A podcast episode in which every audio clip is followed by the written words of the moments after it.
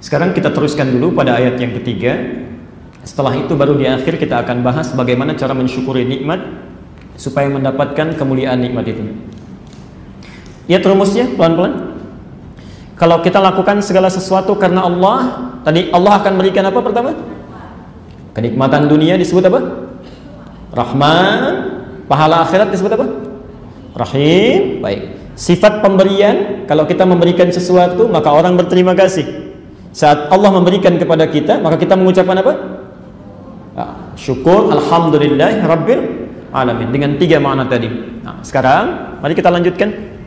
Umumnya, kalau dalam dunia manusia, ada seseorang memberikan pemberian, mohon izin saya akan lambatkan di sini karena ini mulai masuk pada inti bahasan kita. Saya berikan handphone misalnya. Maka orang itu akan mengucapkan apa? Terima kasih. Kalau ibu dan bapak diucapkan terima kasih, biasanya merespon apa? Memberikan jawaban apa? Sama-sama. Itu saja. Atau mungkin begini, ngasih handphone, terima kasih, kasih handphone lagi. Ada yang begitu? Tidak ya? Paling berhenti sampai di mana? Sama-sama gitu ya? Baik. Pak, ini terima kasih sama-sama. Pak, ini terima kasih sama-sama. Sampai situ ya? Ah, Allah tidak. Allah tidak. Mesti ada beda antara Khalik dengan makhluk. Mesti ada beda antara Allah dengan hamba. Kalau sama, eh, Allah menjawab yang sama, maka tidak ada sifat Tuhan di situ. Ya, ya Allah terima kasih Engkau berikan hamba nikmat saat ini sama-sama. Nggak ada bedanya nanti. Mesti ada beda. Ya, mesti ada beda. Ya. Di setiap Tuhan dengan makhluk, Khalik dengan makhluk mesti ada perbedaannya. Ya. Bisa. Mari kita berikan contohnya. Saat kita benar mengucapkan Alhamdulillahi Alamin Betul-betul menghayati kalimatnya Mengamalkan isinya Maka lihat janji yang diberikan oleh Allah. Quran surah ke-14 ayat 7 Quran surah ke-14 ayat 7 Kita hafal itu. Ya, Kita hafal ujung kalimatnya saja. La in syakartum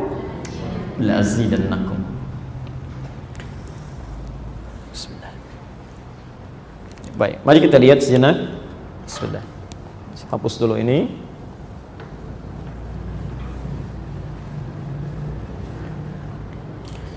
Baik, kami tuliskan sejenak. La'in syakartum.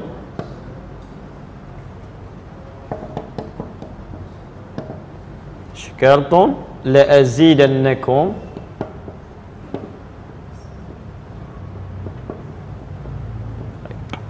Perhatikan rumusnya ini persamaan Quran ya. Baik. Bapak Ibu sekalian, saya mohon izin sebentar untuk mengingatkan. Ingat, kalau kita berbicara Quran, maka kaidah pertama yang dibuka oleh Allah dalam Al-Quran itu tidak boleh ragu. Saya ulang ya. Kalau kita ingin berbicara tentang Quran, maka kaidah pertama yang dibuka dalam Al-Quran oleh Allah, kalimat pertamanya itu tidak boleh ragu. Ya, nanti lihat rinciannya. Alif Lam Mim, Dzalikal Kitabu la raiba fi. Lihat kalimatnya. Kata Allah, semua keterangan yang ada dalam Al-Qur'an itu eh, kaidahnya tidak boleh diragukan. Jangan ragu ya. Jadi kalau Anda punya keraguan sedikit saja, maka isi Quran itu tidak akan ada manfaat untuk kita. Hanya berhenti di bacaan saja. Ya. Jadi kalau Allah katakan A, pasti A itu. Sampai kiamat pun akan A. Ya. Quran menyampaikan sifat orang munafik hari ini, besok bisa berubah. Tapi Quran menyampaikan sifat orang munafik hari ini sampai kiamat pun akan sama. Ya. Ketika Quran mengatakan misalnya tadi ya, wa may yattaqillaha yaj'al lahu. Kalau takwanya ditingkatkan kepada Allah, kesulitan akan hilang. Ya. Kaidahnya jangan jangan ragu, kita yakin. Yakin tingkatkan takwanya. Ya. Perbaiki salatnya, ya perbaiki bacaan Qur'annya, tingkatkan puasanya, masalah akan selesai. Tapi kalau Anda ragu sedikit saja, tidak akan dapat itu. Makanya jangan heran kalau ada orang, maaf ya, orang sholat tapi punya masalah juga. Orang puasa tidak tuntas juga. Apa yang jadi masalah? Kaidahnya tadi, ya. Tidak digunakan. Barangkali ada keraguan atau tidak tepat dalam menjalaninya. Nah, sekarang lihat ayatnya. La in syakartum. Jika Anda bersyukur pada Allah, berterima kasih atas nikmat yang diberikan, ya. Allah kasih kita rahman, kemudahan dunia, Allah kasih kita rahim, pahala akhirat, lalu kita syukuri itu. Ya. Terima kasih ya Allah, Alhamdulillah, terima kasih ya Allah, Masya Allah. Perhatikan. la azidannakum menggunakan la bukan li tapi la. Kemudian azidannakum. Kata Allah pasti aku akan tambahkan kembali nikmat itu. Saya ulang. Kata Quran jika anda bersyukur atas nikmat yang diberikan Rahman dan Rahim ini disyukuri kaidahnya kata Quran di kaidahnya tidak boleh ragu kaidahnya orang yang bersyukurnya benar maka nikmat yang telah Allah berikan itu pasti akan ditambah kembali. Ya, diberikan lagi. Dan hebatnya ketika Allah mengatakan akan ditambah lagi itu tidak langsung mengatakan tambah tapi diawali dengan la. Ya. padahal bisa Allah mengatakan la in syakartum azidannakum la-nya dibuang la-nya dibuang. Ya. tapi kenapa menggunakan huruf la? Ya, la ini disebut dalam bahasa Arab dengan harfut taukid. Ya. huruf yang menguatkan Ya, yang meyakinkan. Seakan-akan Allah berkata begini hei kalau engkau bersyukur kepadaku yakinkan pada dirimu pasti aku akan gandakan nikmat itu. Ya, aku akan tambahkan lagi. Saya beri ilustrasi begini. Kalau saya katakan kalau ibu saya sampaikan sesuatu percaya nggak Alhamdulillah nanti jam 3 ada presiden Pak Jokowi ke sini percaya nggak oh, enggak, enggak. Baik. kalau Nabi yang sampaikan percaya nggak kalau Allah yang sampaikan. Ya. Allah tidak harus berjanji, tidak harus meyakinkan kita untuk mengatakan sesuatu. Yang Allah sampaikan pasti benar. Ayat ini saking pentingnya ingin menegaskan kepada kita sampai ditambah la. Padahal tidak pakai la pun pasti ditambah. Tidak pakai la pun pasti ditambah. La in syakartum azidannakum pasti. Ya. Tapi kenapa menggunakan la seakan-akan ada kalimat di situ yang meng mengisyaratkan pada kita sebagai motivasi, ya, memberikan dorongan. Eh, eh, ayo cepat syukur, syukur. Jangan biarkan nikmat itu mengendap begitu saja. Kamu harus tambahkan lagi. Ya. Kamu harus dapatkan lagi. Ya. Saking sayangnya Allah kepada kita ketika memberikan nikmat, Allah ingin nikmatnya jangan sedikit, harus banyak. Allah ingin tidak berhenti sampai di situ. Ya. Saking sayangnya kepada hambanya. Apa sudah cukup belum? Ayo jangan berhenti di situ. Harus tambah lagi, tambah lagi. Ya. Allah kuatkan pada kita. Kamu harus yakinkan pada dirimu. Kalau engkau sikapi dengan syukur, maka aku akan terus tambahkan, terus tambahkan, terus tambahkan. Ya. Yakin sampai sini? Jelas sampai sini? Baik. Karena itulah ketika Allah menutup kalimat ini di ayat keduanya dengan Alhamdulillahi Rabbil Alamin. Jika anda benar syukurnya tadi kan di ujung berjanji jangankan kamu minta minta untuk kebutuhanmu seluruh alam saja minta saya berikan. Nah, maka ketika kita berkata ya Allah kami syukuri itu nikmat yang kau telah berikan. Maka Allah tepati janjinya ditambahkan kembali nikmat yang telah diberikan kepada kita. Tadi maaf pelan-pelan. Kalau kita lakukan sesuatu karena Allah kita mendapatkan apa? Sifat dunia tadi Rahman, sifat akhirat Rahim. Ketika Anda mensyukurinya, maka Allah akan berikan kembali itu di double, ganda, dua kali lipat. Karena itulah setelah alhamdulillahi rabbil alamin diberikan kembali Ar-Rahman Ar-Rahim. Jadi bukan pengulangan. Ya. Tidak ada pengulangan dalam Al-Quran. Ya. Saya tegaskan, tidak ada ayat yang diulang dalam Al-Quran. Tidak ada ayat yang diulang dalam Al-Quran. Kalau dalam kaidah ilmu tafsir itu taksisun lima dan jadid. Ya. Untuk memberikan makna-makna baru yang terkait dengan ayat sebelumnya. Kenapa kalimat Ar-Rahman Ar-Rahim diletakkan setelah Alhamdulillahi Rabbil Alamin? Ya. Seakan-akan ada isyarat, lihat sini urutannya. Jika Anda melakukan seluruh aktivitas karena Allah, maka Allah berikan kemudahan dunia rahman. Bernilai pahala akhirat rahim. Alhamdulillahi Alamin. Jika pemberian ini anda syukuri dalam kehidupan ya, maka Allah akan menambahkan nikmat ini kembali ya, supaya berganda untuk kita. Maka ditegaskan kembali setelah Alhamdulillahi Rabbil Alamin Ar-Rahmanir Rahim La azidannakum kami tambahkan Rahman kami tambahkan Rahim. Jelas di sini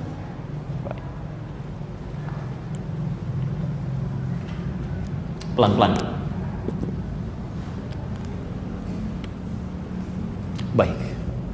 Kita teruskan dulu. Tadi nikmat yang diminta kemudian diberikan, ya. Cara berterima kasihnya disebut apa istilahnya? Masih ingat? Syukur. Baik. Nikmat yang diminta ataupun tidak kemudian diberikan, cara berterima kasih disebut apa? Hamdun. Sekarang perhatikan, di Quran surah ke-14 Ibrahim ayat 7 itu yang disebutkan syukur atau hamdun? Syukur. Kalimatnya bukan lain hamadtum, tapi lain syakartum. Jelas ya? Lihat keindahan bahasa Quran. Seakan-akan Allah ingin memberikan pesan kepada kita, "Hei, jangankan engkau bersyukur berterima kasih kepada Allah atas segala nikmat, ya nikmat yang kamu minta saja kemudian Allah berikan, lantas engkau syukuri, Allah akan tambahkan. Apalagi bila semua nikmatnya engkau ucapkan terima kasih, syukuri kepada Allah. Maka bagaimana kenikmatan hidup itu bisa kita dapatkan? Ya. Saya ulang ya. Jangankan pada hamdun, pada syukur saja, la in syakartum, ini pada nikmat yang ibu bapak mintakan lalu Allah berikan, kemudian kita syukuri, ya, itu pasti digandakan. Maka bagaimana dengan orang yang selalu bersyukur kepada Allah, memuji Allah atas semua nikmat yang diberikan tanpa membeda-bedakannya. Alhamdulillah, terima kasih ya Allah atas nikmat oksigen di hari ini. Terima kasih ya Allah atas nikmat ketenangan di hari ini. Terima kasih ya Allah atas nikmat kebahagiaan di hari ini. Masya Allah. Orang bersyukur atas pemberian yang diminta saja, Allah tambahkan. Ya Allah terima kasih Engkau memberikan harta benda hari ini. Ya Ya Allah terima kasih Engkau memberikan kesehatan pada anak-anak hamba. Allah tambahkan lagi Allah tambahkan lagi. Maka bagaimana dengan nikmat yang tidak pernah diminta dan selalu disyukuri? Maka semua akan bertambah akan bertambah akan bertambah. Masya Allah. Ya. karena itu pelajaran penting bagi kita kenapa kalimat Ar-Rahman Ar-Rahim diletakkan kembali setelah Alhamdulillahirrabbilalamin untuk memberikan pesan bahwa Allah menepati janjinya bagi siapa pun yang selalu mengetengahkan syukur kepadanya, memberikan ucapan kasihnya, maka Allah akan tambahkan setiap kenikmatan yang dia butuhkan dunia dan akhiratnya. Jelas sini? Baik. Terakhir, kita berhenti di sini, lalu barangkali ada beberapa hal yang mau ditanyakan, kami perkenankan. Ya. Terakhir, bagaimana cara bersyukur itu? Bagaimana caranya bersyukur? Pelan-pelan. Tadi kan kita baru berhenti cara mengungkapkan ya. ya cara mengungkapkan. Sekarang cara mensyukuri nikmatnya. Baik. Bisa kita beri contoh. Alhamdulillah ada yang memberikan handphone misalnya. Oke? Okay? Sudah? Lalu kita ucapkan Alhamdulillahi Rabbil Alamin. Alhamdulillah Rabbil Alamin. Maka saat anda mengucapkan itu Total memuji Allahnya Jangan bedakan nikmatnya Dan rasakan bahwa ini bukan karena peran kita mendapatkan handphone Tapi karena Allah berkehendak menitipkannya pada kita. Jelas ya? Jadi jangan merasa oh karena saya nih diberikan jasa Ada jasa kemudian dia balas. Tidak karena Allah berkehendak memberikannya pada kita. Mudah bagi Allah, walaupun anda punya banyak kebaikan pada orang lain, mudah bagi Allah untuk menghambat orang itu memberikan nikmat pada kita. Jelas sampai sini? Baik. Nah, sekarang masuk bagian yang pentingnya. Bagaimana sekarang cara mensyukuri nikmatnya? Handphonenya sudah ada. Bagaimana cara mensyukurinya? Maka bagian terakhir inilah yang menentukan apakah nikmat nanti akan ditambah atau tidak oleh Allah. Eh, kita catat dulu. Syukur syukur nikmat. Syukur nikmat. Bukan kalimat syukurnya tapi syukur nikmat. Berarti menggunakan menggunakan segala nikmat yang dititipkan pelan-pelan menggunakan segala nikmat yang dititipkan sesuai dengan fungsi sesuai dengan fungsi yang telah ditetapkan dan diridhai Allah Subhanahu wa taala. Sesuai dengan fungsi yang telah ditetapkan dan diridhai Allah Subhanahu wa taala. Menggunakan segala nikmat yang dititipkan sesuai dengan fungsi yang telah ditetapkan dan diridhai Allah Subhanahu wa taala. Tolong catat betul, ini bagian yang sangat penting yang menentukan apakah sifat Rahman dan Rahim di ayat ketiganya diberikan pada kita atau tidak. Baik. Bapak dan Ibu sekalian, perhatikan betul. Ya. Syukur nikmat itu tidak berhenti di kalimat Alhamdulillah saja. Tidak. Ya. Tapi disusul dengan pembuktian kepada Allah dengan menggunakan nikmat yang diterima itu sebagai titipan sesuai dengan fungsi yang ditetapkan oleh Allah dan Allah sukai itu. Misal, saya tadi contohkan misalnya handphone. Allah titipkan pada kita. Ya. Apa fungsi handphone? Komunikasi. Tidak sampai situ. Kalau cuma berkomunikasi, non muslim pun bisa gunakan itu. Pencuri pun bisa gunakan itu. Ya. Kijang satu, kijang dua, ya, kijang satu, kijang dua. Nah, ternyata uh, apa nih ya? Tikusnya sudah pergi, kan? Nah, itu masya Allah macam-macam itu ya. yang dimaksud orangnya sudah nggak ada sudah keluar dari masjid tapi sendalnya masih di situ tak ambil gitu ya. ya. macam-macam pencuri pun bisa berkomunikasi penjahat pun bisa tapi seorang muslim yang bersyukur dengan nikmat handphone yang dititipkan maka tidak akan berhenti sampai kalimat itu berkomunikasi pada apa yang disukai Allah ya jadi tidak mungkin, mustahil ada orang bersyukur dengan handphone yang dia gunakan pada yang tidak disukai buat status yang tidak disukai. Saya tidak nyangka ya ternyata dia begitu. Ah, itu bukan syukur. Ya. Tidak mungkin mengucapkan kalimat yang tidak disenangi. Ya. Kalimat-kalimat kotor, kalimat-kalimat buruk. Tidak mungkin mengirimkan sesuatu via handphonenya pada yang tidak diridhoi oleh Allah. Gambar-gambar yang tidak tepat. Menggunakan handphonenya untuk mengakses berita yang tidak tepat. Itu mustahil, mustahil. Ya, mustahil. Jadi kalau Anda mengucapkan Alhamdulillah, tapi buktinya berseberangan dengan apa yang diucapkan, yang diikrarkan, maka tidak akan muncul nikmat yang selanjutnya itu. Berhenti sampai di situ. Ya. Ini baru handphone. Sekarang saya akan tunjukkan bagaimana mempraktekkan syukur mulai dari diri kita secara fisikal sampai nikmat yang melekat pada diri kita seluruhnya. Contoh, ya. Kita ingin lihat dulu dari kepala sampai ujung kaki sebelum yang lain dulu ya, sebelum pakaian ditempelkan, kacamata, jam tangan, ya, eh, rumah, mobil dan sebagainya. Mulai diri kita dulu. Ya. Yuk kita ambil contoh dari Quran pelan-pelan. Nikmat mata. Saya mau tanya dulu, yang punya diri kita siapa? Yakin? Apa dalilnya? Quran surah Al-Baqarah surah 2 ayat 156. Alladzina idza asabathum musibah qalu inna lillahi wa inna ilaihi raji'un. Kalau dengar kalimat itu yang terbayang apa? Wah, ada yang meninggal, ada kematian. Padahal kalimat itu jauh. Ya. Bukan ke situ saja arahnya. Mananya luas, luas. Ya. Inna, ingat bukan inna. Ya. Ingat ada alifnya inna. Ya. Bukan inna pendek. Bukan inna pendek. Kalau pendek itu huruf taukid saja menguatkan. Wal as in nal insana lafi khusr. Nanya pendek. Tapi kalau inna itu menunjukkan pada pribadi, pada kita secara total. Inna itu dua huruf yang disatukan. Inna pendek plus na. Inna plus na begini. Jadikan satu menjadi inna. Ya. Ini huruf untuk meyakinkan. Ini singkatan dari nahnu kami Seakan-akan kita mengungkapkan, Ya Allah, kami yakinkan pada diri kami. Ya. Sungguh diri kami ini seutuhnya, dari ujung rambut sampai ujung kaki, kami seutuhnya, lillahi, semua milik Allah. Lillah. Semua milik Allah. Masya Allah. Jangankan mobil, handphone, kendaraan, diri kita saja yang punya Allah. Ya. Dan ketika Anda mengatakan itu, ingat ya, itu komitmen. Ketika Anda mengatakan itu, kita menegaskan pada Allah, kita nggak punya. Yang punya Allah. Nah, sekarang saya mau tanya, kalau yang punya mau ngambil boleh nggak? Nah, yang jadi masalah ketika diambil, yang dititipi marah. Ya. Kan aneh namanya. Ya. Orang menitipkan sesuatu, kok mau diambil, kok orang dititipin marah? Ya. Seharusnya terserah yang punya dong, setelah yang nitip, terserah yang nitip. Ya. Ibu punya mobil, ya, bapak punya mobil, masuk ke lahan parkir. Ya. Begitu mau dipakai, dibawa pulang, tukang parkir marah. Kok dibawa pulang bu? Emang kenapa? Saya yang punya. Ya. Kan aneh ya? Jadi mata kita punya Allah. Telinga punya Allah. Terserah Allah mau diambil kapan saja. Ya. Terserah Allah.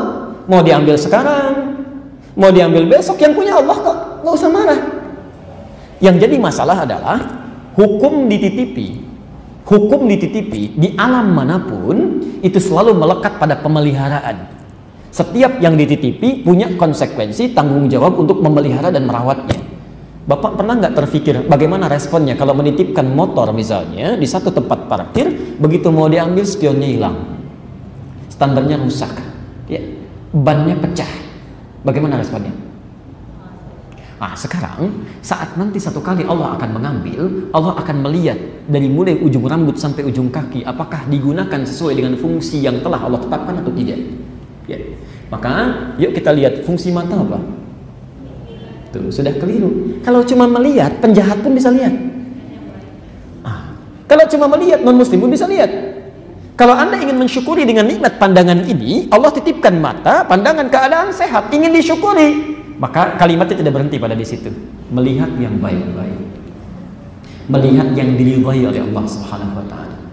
Makanya kalau orang syukur dengan pandangannya, ketika melihat sesuatu yang tidak Allah suka, dia akan palingkan. Akan dia lihat. Tidak akan dia lihat. Quran surah ke-24 An-Nur ayat 30 untuk ikhwan para laki-laki. Ayat 31 untuk perempuan. Lihat kalimatnya. Qul lil mu'minina yaghuddu min absarihim. Katakan pada pria-pria yang merasa masih punya iman. Masya Allah, merasa masih punya iman. Jadi kalau ketentuan ini dilanggar, imannya bermasalah. Hati-hati ibu juga tidak merasa aman karena ayat 31-nya untuk perempuan. Wa kullil mu'minati ya, dan katakan pada perempuan yang merasa masih punya iman. Ya. Perhatikan untuk laki-laki ya min absarihim palingkan pandangan dari apa yang tidak diridhai Allah. Ini mustahil ada seorang muslim bersyukur dengan matanya melihat yang buruk-buruk itu bukan syukur namanya. Ya. Tiap hari saya, saya suka bingung kadang-kadang gagal paham dengan situasi ini. Ya. Dari mulai subuh sampai isya, alhamdulillah, alhamdulillah, alhamdulillah, alhamdulillah. Tapi pandangannya nggak bisa dijaga. Melihat acara yang tidak tepat, gambar-gambar yang tidak elok, kalimat-kalimat yang tidak tepat itu mustahil. Seharusnya kalau lisannya alhamdulillah, hirabbil alamin, itu matanya nggak akan sembarangan. Itu lihat nggak tepat palingkan. Ya, Allah nggak suka palingkan. Pasti begitu itu. Ya. Ini mustahil ada orang mensyukuri nikmat matanya, melihat sembarangan itu mustahil. Ya, demi Allah saya katakan mustahil. Jelas sampai sini? Baik. Ibu juga begitu. Ketika melihat sesuatu yang tidak tepat, ketika mengucapkan alhamdulillah itu dijaga. Jaga. Ya. Makanya Masya Allah lihat masjid senang, lihat Quran senang, lihat orang-orang soleh, mengerjakan amal soleh senang. Ya. Ingat pesan saya ya, ingat betul pesan ini. Nanti di Nurul Bahri kami ajarkan ilmunya di Tazkiyatun Nafas. Hukum penglihatan tidak berhenti sampai di sini. Di orang-orang yang terbiasa melihat yang baik, baik lawannya apa? Buruk. Ingat betul ini ya. Kalau seseorang merasa melihat yang baik-baik, hukum ini berlaku. La in syakartum la azidannakum. Jadi kalau orang terbiasa melihat baik, maka kebaikan dikumpulkan oleh Allah. Dan dia akan alergi melihat yang jelek. Tidak akan sanggup. Ya. Tapi sebaliknya, kalau seseorang terbiasa melihat yang buruk, ya, maka baik tidak akan pernah bersatu dengan yang buruk, tidak akan nyambung. Ya. Minyak tidak akan pernah nyatu dengan air. Makanya kalau orang kebanyakan lihat yang jelek, yang baik itu tidak akan pernah peka, tidak akan nyambung. Ya. Ingat betul ya, baik hanya akan nyambung dengan yang baik-baik, yang jelek dengan yang jelek-jelek. Ya. Tidak akan pernah bertemu baik dengan buruk, mustahil. Ya. Ada orang pakai baju koko lewat, ya, masya Allah, dengan yang bertemu dengan yang pakai jubah itu tidak kenal pun pasti bisa sapaan. Assalamualaikum. Minimal senyum. Ya. tidak pernah terjadi bisa ada orang pakai baju koko ada maaf ya orang sedang mabuk ada tato jalan misalnya Assalamualaikum. Gak ada. Lewat aja gak nyambung. Ya. tidak ada chemistry-nya. Ya. karena itu maaf maafkan saya kalau kalimatnya kurang bagus jika anda masih bisa mungkin melihat sesuatu yang tidak Allah sukai maka ada yang salah tuh yang masuk ke dalam mata ada yang keliru masuk ke dalam pandangan. Ya. Karena mustahil seorang muslim bisa melihat sesuatu yang tidak disukai. Itu baru mata. Coba cek sampai ujung kaki. Telinganya, mulutnya. Hati-hati mulut yang paling bahaya ya. Karena mulut ini merambat ke semua organ tubuh. Ya. Bahkan nanti di Quran dilukiskan begini. Ada orang yang salah makan, ya. kemudian masuk makanannya haram, beredar dengan darahnya, lalu darah itu terus mengedarkan ke seluruh tubuh jadi daging. Ya dan masuk ke telinganya di sumbatan. Anehnya ada orang punya telinga tapi nggak bisa dengar. Karena makan yang haram itu. Ada bayangkan punya telinga nggak bisa dengar. Maksudnya nggak bisa dengar yang baik-baik. Nggak bisa dengar yang baik-baik. Hati-hati di kalau azan nggak kedengaran Padahal tetangga masjid, rumahnya di samping masjid, subuh-subuh dipanggil as-salatu khairum minan naum. Masuk ke telinga tertukar itu. An-naumu khairum minas salah. Tidur. Tapi yang jelek-jelek itu cepat sekali. Ya. Dari gosip, dari mulai macam-macam, cepat, cepat. Kenapa? Yang haram masuk ke dalam dirinya, nutup yang jeleknya. Ya. Maksud saya, kadang-kadang mohon izin Pak, mohon maaf Ibu, hati-hati betul ya anak-anak yang masih suci itu, yang masih baik, yang belum paham apa-apa, tiba-tiba bisa tidak berfungsi nilai kebaikannya karena orang tuanya membawa yang haram dalam kehidupannya. Tolong jangan nodai mereka itu ya. Jangan nodai mereka. Pastikan apa yang anda dapatkan dalam kehidupan itu baik. Ini baru tubuh. Ya. Maka bagaimana dengan elemen yang melekat dalam kehidupan kita, pakaiannya, kendaraannya, rumahnya, segalanya. Sudahkah anda gunakan pada hal yang disukai oleh Allah sebagai syukur kepadanya? Karena semua akan ditanya. Bapak Ibu bayangkan ya, pendengaran saja, penglihatan, hati itu akan ditanya. Apalagi semua yang melekat pada diri kita. Quran surah 17 ayat 36. Saya beri contoh sebentar. Quran surah 17 ayat 36. Al-Isra ayat 36. Wala taqfu ma laysa laka bihi ilmun. Jangan pernah Anda ikuti segala hal yang tidak ada dasar pengetahuannya. Poinnya bukan itu. Lihat setelahnya. Inna sama' wal basara wal fu'ada kullu ulaika kana anhu mas'ula. Sungguh kata Allah pendengaran itu ya, penglihatan bahkan hati ya, semua akan ditanya oleh Allah. Jadi Allah akan tanya itu saya sudah berikan nikmat kepadamu penglihatan sudah sejauh mana kamu syukuri itu. Ya. Maaf Bu ya, Pak, Nanti coba gambarkan saat Anda disandingkan dengan anak-anak itu yang Allah berikan keadaan dirinya buta. Saya pernah kisahkan kan Musa, orang Asyut itu usia lima tahun di Mesir yang berjuang bisa menghafal Quran dalam keadaan matanya buta. Anda bayangkan ada anak diberikan usia lima tahun matanya buta dan dia berusaha menghafalkan Quran. Lalu hafal Quran. Dan ketika ditanya oleh seorang reporter yang datang ke sana, jika Anda diberi kesempatan untuk memohon kepada Allah apa yang Anda ingin mohonkan. Saya sudah pernah sampaikan ini. Musa hanya berkata, saya akan mohonkan kepada Allah satu, agar tetap membutakan mata saya. Karena dengan buta ini saya bisa menghafal Quran. Tapi yang menarik lihat yang kedua, sampai wawancaranya sampai menangis dan saya berapa kali melihat tayangan ini, masya Allah ya. Kata Musa, dan saya akan datang nanti kepada Allah saat hari kiamat nanti sendirian tidak ditemani oleh siapa pun. Dan saya akan menghadap Allah dengan keadaan gemetar, tangan gemetar, kaki gemetar. Saya akan katakan kepada Allah, Ya Allah, saya sudah berusaha menghafalkan Quran ini hingga tiba di sini saat ini. Kalau dengan semua yang sudah saya lakukan, dengan Quran yang saya bawa, masih pantas saya dihukum, maka mohon kurangi siksaan saya dengan Quran yang telah saya hafalkan ini. Bisa. Kurangi hukuman saya dengan Quran yang telah saya hafalkan ini. Maka bagaimana menurut Anda ketika ada seseorang usia lima tahun mata buta berusaha menghafal Quran sampai hafal untuk membuktikan dan mensyukuri nikmat penglihatannya seketika. Maka bagaimana dengan orang yang diberikan 50 tahun, 60 tahun yang seluruhnya waktunya sangat panjang tidak pernah digunakan untuk melihat yang baik-baik. Maka hati-hati. Itu baru pandangan, belum pendengaran sampai ujung kakinya. Dan kita belum berbicara tentang pakaian, ya, tentang kacamata, tentang mobil, maka kalau Anda ingin syukuri nikmat berpakaian, saya sering sampaikan, pakai dulu untuk kepentingan Allah. Pakai dulu. Misal, nanti hisabnya lebih mudah, lebih mudah. Anda dapat pakaian misalnya, sebelum gunakan pada yang lain, gunakan untuk Allah, pakai dalam sholat. Jadi ketika Allah tanyakan satu saat nanti, dari mana engkau dapatkan, ke mana kau gunakan? Jawabannya ringan.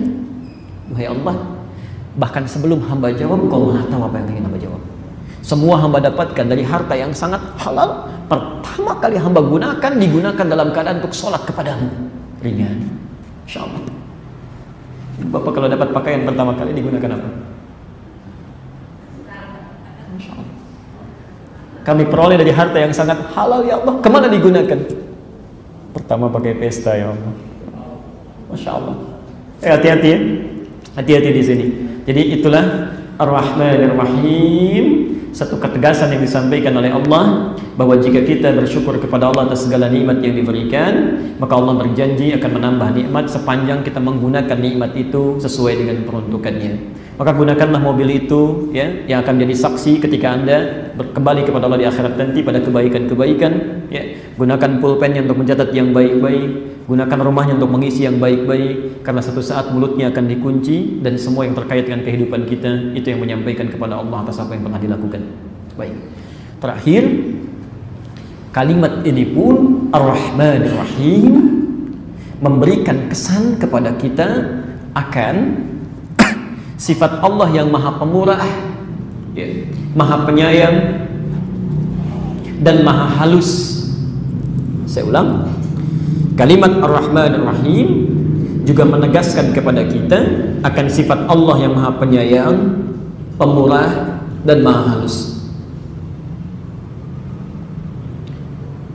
Biasanya cuma yang ini yang dibahas oleh para para ulama tafsir, ya. yang sebelumnya jarang diungkap. Yang kedua ini yang sering, yang sering disampaikan. Ya. Kita kembalikan sebentar, Bapak Ibu sekalian. Tadi kalimat Rabbul Alamin makna keduanya ya, Tuhan semesta alam dia. Baik, pelan-pelan.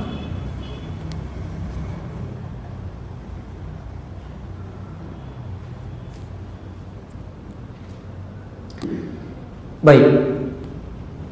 Biasanya kalau kita dapati seseorang memiliki kedudukan tinggi, dudukan tinggi, masya Allah, Orang punya kedudukan, ada orang punya harta benda, ada orang punya kekuasaan, ya, insyaallah. Biasanya sikap kita, perilaku kita, ya, memiliki rasa sungkan atau biasa saja? Sungkan atau biasa saja? Ya, jarang yang biasa saja. Ya. Bapak Ibu ketemu saya biasa saja, ketemu presiden sudah heboh, ya. masya Allah. Ketemu gubernur sudah lain. Ya. Camat ketemu kita biasa, ketemu wali kota siap-siap. Di umumnya Ketika seseorang memiliki kedudukan atau memiliki peningkatan dalam materi kehidupannya, itu akan berdampak pada sikapnya dan penilaian orang lain kepadanya. Ya. Ada sungkan ingin menghadap, sungkan ingin bicara, takut salah kalau mengemukakan sesuatu. Ya. Bicara dengan kami mungkin biasa, tapi ketika diundang presiden barangkali belajar semalaman, kan?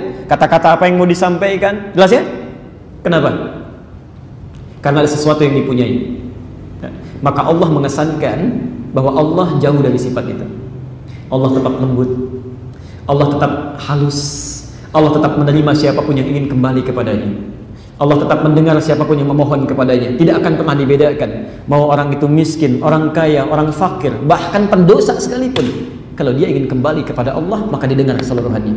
Ingin menegaskan bahwa, maaf, Ar-Rahmanir Rahim. Sekalipun saya kata Allah Rabbul Alamin, pemilik semua alam, tapi sifat saya beda dengan makhluk. Ya.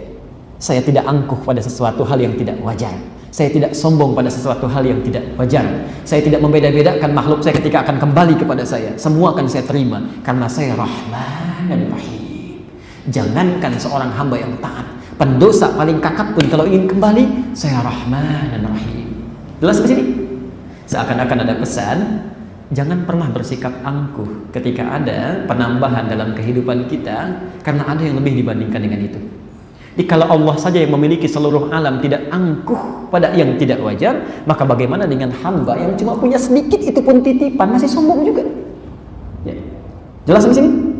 Ya. Karena itu dulu pernah ada yang sangat kaya di zaman Musa, namanya Korun. Quran surah ke-28 ayat 76 ya, sampai ayat ke-80-nya itu. Maaf. Kalau Bapak Ibu punya berangkas, kuncinya umumnya disembunyikan atau dipamerkan. Ini kunci berangkas saya, ini kunci berangkas saya. Tidak ada ya? Umumnya disembunyikan ya? Korun tidak. Saya mesti beda dengan yang lain. Saya mesti beda dengan yang lain. Kalau yang lain kayaknya kayak biasa, ya, berangkasnya disimpan, kuncinya disembunyikan. Saya, orang semua harus tahu ini saya, ini kuncinya. Maka ke mana pun dia jalan inna qaruna kana min qaumi Musa fabagha alaihim. Qarun itu kaumnya Musa ya. jadi maaf Qarun itu eh, sepupuan dengan Musa ya. Di bapaknya Musa itu kakaknya bapaknya Qarun. Musa punya bapak namanya Imran tapi bukan Imran yang di Ali Imran Imran yang lain ya. Bapaknya Musa namanya uh, Imran bapaknya Qarun namanya Yesar. Kedua-duanya keturunan dari Kuhas. Kuhas anaknya Lewi Lewi anaknya Yakub saudaranya Yusuf Yakub anaknya Ishak, Ishak anaknya Ibrahim alaihissalam. Kemudian singkatnya Qarun menjadi kaya, untuk menunjukkan saya kaya luar biasa, kekayaan bertambah. Maka ke mana pun dia jalan, kata Quran, ke mana pun dia jalan, di belakangnya selalu ada 10 orang membawa khusus kunci-kunci harta bendanya saja. Kunci berangkasnya. Di, kebayang ya, 10 orang kuat membawa kuncinya saja, itu sudah nggak sanggup. Sudah tidak sanggup, saking kayanya. Tapi ingin menunjukkan kesombongannya. Ingin menunjukkan kesombongannya. Apa hasilnya? Allah berkat. Allah berkat. Saya saja yang Rabbul Alamin masih Rahman dan Rahim, masa kamu yang punya segitu saja sudah sombong? Allah murka. Di, bisa dibayangkan, dulu ada orang yang kuncinya saja sudah luar biasa sombong dihabiskan oleh Allah, maka bagaimana dengan orang yang kunci berangkasnya saja tinggal diangkat jari bisa keangkat. Kemudian sombong. Ya. Di ketinggalan zaman. Ya. Jadi kalau ada dulu orang sombong dihancurkan sudah ada dulu. Ya. Yang paling kaya sudah ada sombong gugur. Ya. Masa yang hartanya sedikit mau sombong juga itu ketinggalan. Jelas sampai sini ya? Baik. Jadi kita akhiri dulu pembahasan kita. Jadi kesimpulan singkatnya, ya, Ar-Rahman Ar-Rahim memberikan pesan kepada kita bahwa nikmat yang disyukuri akan selalu mengembalikan berlipat ganda dalam kehidupan kita dan nikmat yang dititipi jangan sampai membuat kita merasa angkuh dalam kehidupan karena Allah pun pemilik nikmat tetap memiliki sifat halus dan lemah lembut dalam sikapnya terhadap hamba. Baik, kita kira itu ayat yang bisa kita bahas sampai dengan hari ini. Ar-Rahman Ar-Rahim.